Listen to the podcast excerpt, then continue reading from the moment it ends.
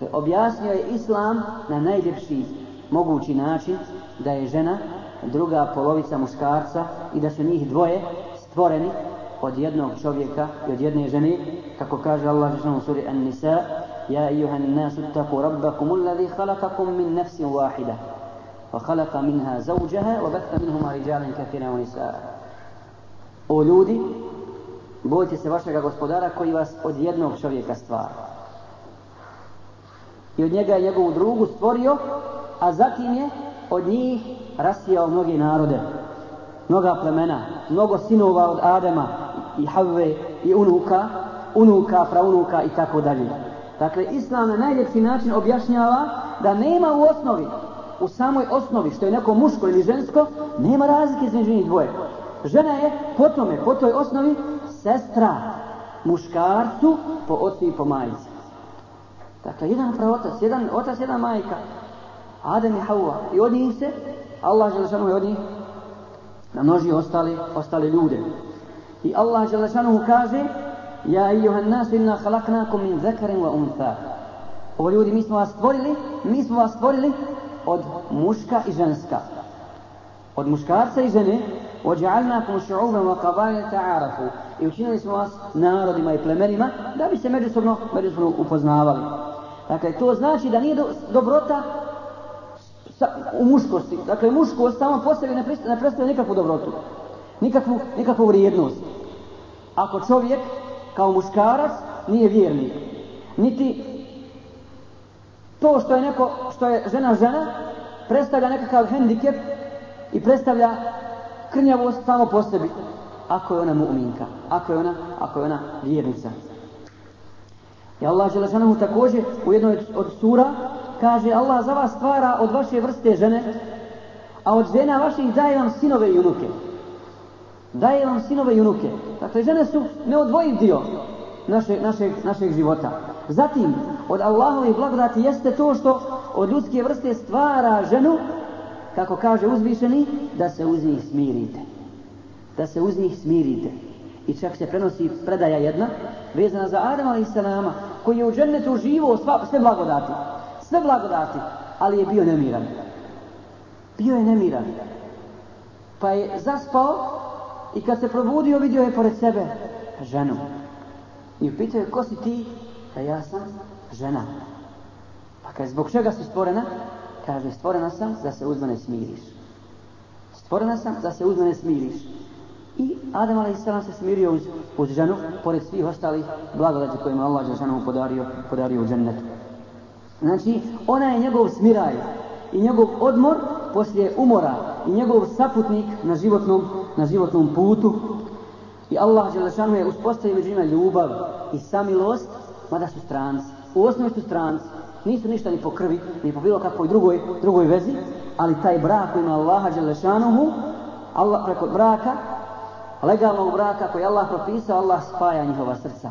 Spaja njihova srca. Zato je rekao Resul sallallahu alejhi ve u hadisu koji bilježi Bimađe, četiri stvari predstavljaju sreću za čovjeka na dunjalu. Najveću sreću.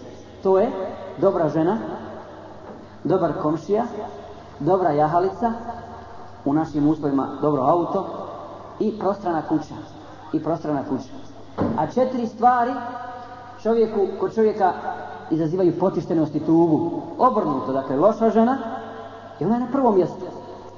Da imaš ne znam koliko bogatstva, da si najbogatiji čovjek, ako ti brak nije u redu, ako ti žena nije pokorna, nije poslušna, ako se ne dogovarate oko zajedničkih stvari, ako uistinu nije žena, kao što ćemo navesti primjere danas, da se žena također odrodila od svoje prirode, preko kjafirskog zavođenja, preko njihovog siha i njihovih obmana, ona ti je džaba sve tvoje bogatstvo i e, sav tvoj ugled i položaj koji uživaš u društvu. Ovo je, braćo i sestre, dokaz da žena nije stvorena uzavud i da ona nije stvorena kao predmet iživljavanja kako je opisuju džahili. Ona je u istoj ravni sa čovjekom i ona je jedan od stubova, od stubova društva uopšte. Pogledajte, dakle, opisali smo džahilijetski način života. Predislamski način života. Kako su postupali prema ženama? A također, nedavno, to nije davno bilo, na kraju 17. stoljeća, crkva kršćanska, odnosno sve kršćanske sekte, su vječale na svojim sastancima o čovjeku i ženi. A posebno su razmatrali žensko pitanje i postavljali su ovakva pitanja. Da li žena kao takva ima uopšte dušu? Da li žena ima dušu ili ne ima? Dakle, njihova inteligencija, njihove crkvene vođe su postavljali to pitanje, tražeći odgovor. Ima li žena dušu ili nema? Zatim, ako ima dušu, je li to insanska ili hajvanska duša? Zatim, ako je insanska, je li u istoj ravni sa čovjekom ili nije? Sa muškarcem. Je li njena duša poput, poput duše muškarca? Te pogledajte kolika, koliko ponižavanje žene kao takva. Zašto? Zato što su to nije učenje Isa i Salama. To nije učenje Musa i Salama. To nije učenje jednog poslanika. Ali kad su skrenuli s pravog puta, onda se ponašaju kao mušici prije Islama. Ponašaju se kao pagani, kao nevjernici i ne mogu drugačije. Zatim, u pogledu nasljedstva, u pogledu nasljedstva Allah Želešanu je odredio ženi njen dio u islamu. Zato kaže uzvišeni لِلْرِجَالِ نَصِيبٌ مِمَّا تَرَكَ الْوَارِدَانِ وَالْأَقْرَبُونَ وَلِلنِّسَاءِ نَصِيبٌ مِمَّا تَرَكَ الْوَارِدَانِ وَالْأَقْرَبُونَ مِمَّا قَلَّ مِنْهُ أَوْ كَثُرُ نَصِيبًا مَفْرُوضًا Muškarcima pripada dio onoga što ostave roditelji i rođaci, a i ženama dio od onoga što ostave roditelji i rođaci. Bilo toga malo ili mnogo. Odred, tačno određen, propisan, propisan dio. Ili u 11. majetu iste sure, dakle sure Nisa, kaže Allah šanu u samom prevodu, na našem jeziku, Allah vam naređuje da od djece vaše muškom pripadne toliko koliko dvijema ženskima, a ako bude više od dvije ženski, njima dvije trećine onoga što je ostavio, a ako je samo jedna, njoj polovina. A roditeljima svakom posebno šestina od onoga što je ostavio ako bude imao djeteta. A ako ne bude imao djeteta, a nasljeđuje ga samo roditelji, onda njegovoj materi trećina. I tako dalje. Dakle, ovo su ajeti koji govore tačno o nasljedstvu, nasljedstvu žene. Koliko ona nasljeđuje kao majka, koliko nasljeđuje kao supruga, koliko nasljeđuje kao čerka i koliko nasljeđuje kao sestra, kao sestra ako čovjek ima djece ili ako nema djece i tako dalje. Dakle, odredio je Islam ženi njen, njen dio, njen dio u nasljedstvu. I to je ne smije niko sporiti. Ne smije joj niko to sporiti ni uzeti, ona je njen dio A ako ga uzme nepravedno, čineći joj zulum, snosit će odgovornost na sudnjem danu zbog toga. I Allah Želešanu će ga kazniti zbog toga. Zatim, Allah Želešanu je regulisao preko svog šerijata, preko poslanika sallallahu alaihi ve sellem, bračno pravo i bračne odnose među, među, među ljudima. Dakle, dao je pravo u nasljedstvu, ograničio je broj žena koje se mogu ženiti, jer Arapi su prije toga ženi koliko su god htjeli i koliko su mogli, A Allah Đelešanuhu zatim dolazi, objavljuje, objavljuje ajete sure An-Nisa broj 3, gdje kaže uzvišeni وَإِنْ خِفْتُمْ أَلَّا تُقْسِتُوا فِي الْيَتَامَى فَانْكِحُوا مَا طَابَ لَكُمْ مِنْ نِسَاءِ مَثْنَى وَثُلَاثَ وَرُبَاعَ فَإِنْ خِفْتُمْ أَلَّا تَعْدِلُوا فَوَاحِدَةً أَوْ مَا مَلَكَتْ أَيْمَانُكُمْ ذَلِكُ ذَلِكَ أَدْنَى أَلَّا تَعُولُوا Kaže Allah žanu, ako se bojite da prema ženama, siročarima, sirotama, nećete biti pravedni, onda se ženite sa onim ženama koje su vam dopuštene sa po dvije, sa po tri ili sa po četiri, a ako strahujete da nećete biti pravedni, onda samo sa jednom, onda samo sa jednom, ili eto vam onih koje posjedujete. Tako ćete se najlakše nepravde sačuvati. Dakle, Allah Đelešanu je ovim ajetom regulisao način, način braka, odnosno broj žena koje se mogu ženiti.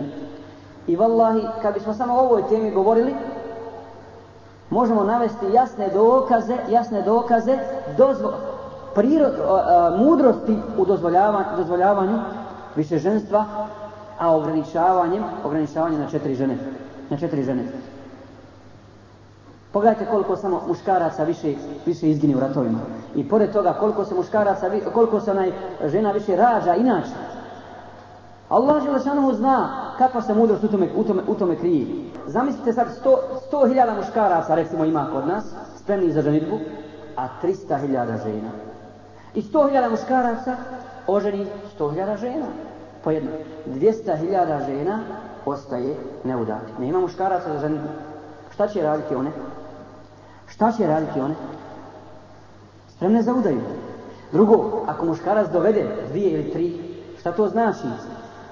Teret samo njemu Teret, ženama lahko. Ako poštuje islamski propis, njemu teret. Jer kad čovjek ima jednu ženu, jednu kuću, dolazi s posla vazda u jednu kuću i donosi. Posao kuća, posla. Imaš drugu ženu. To je islam, to je čestitost. Ti ženiš drugu ženu. U ime Allaha Đalešanuhu, onda imaš dupli teret.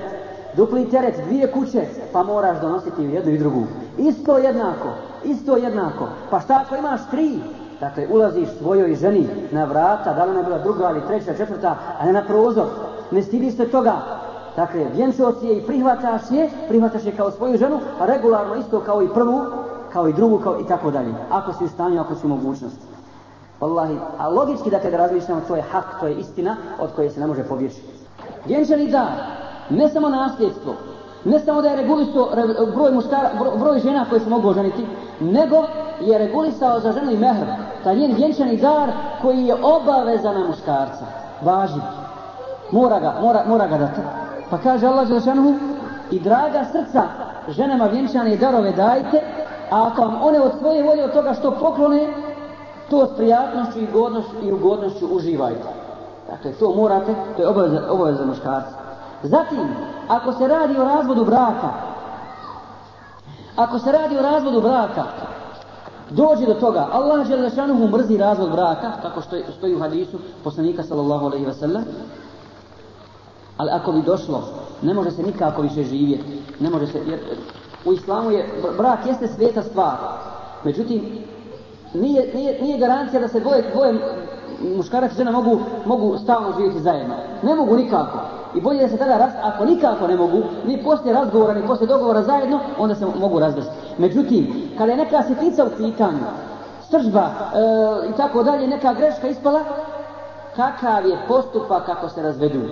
Dakle, ne, stal, ne trajnim razvodom braka, kad se žena mora uzeti za drugog, da bi se, pa se razvenča da bila onda da halala svom prvom mužu. Ne. Nego, razvodom na, kada ima pravo na povratak muža. Obaveza je tada ženi čekati idet, dakle taj period koji treba da istekne kad, kad ponovo može da se uda za drugog u kući svoga muža. I ako, je, ako se desio razvod, ako se desio razvod, dakle taj talak je ređ s pravom povratka, onda, onda muškarac, žena treba da čeka u kući svoga muža taj idet. Zašto? Zašto?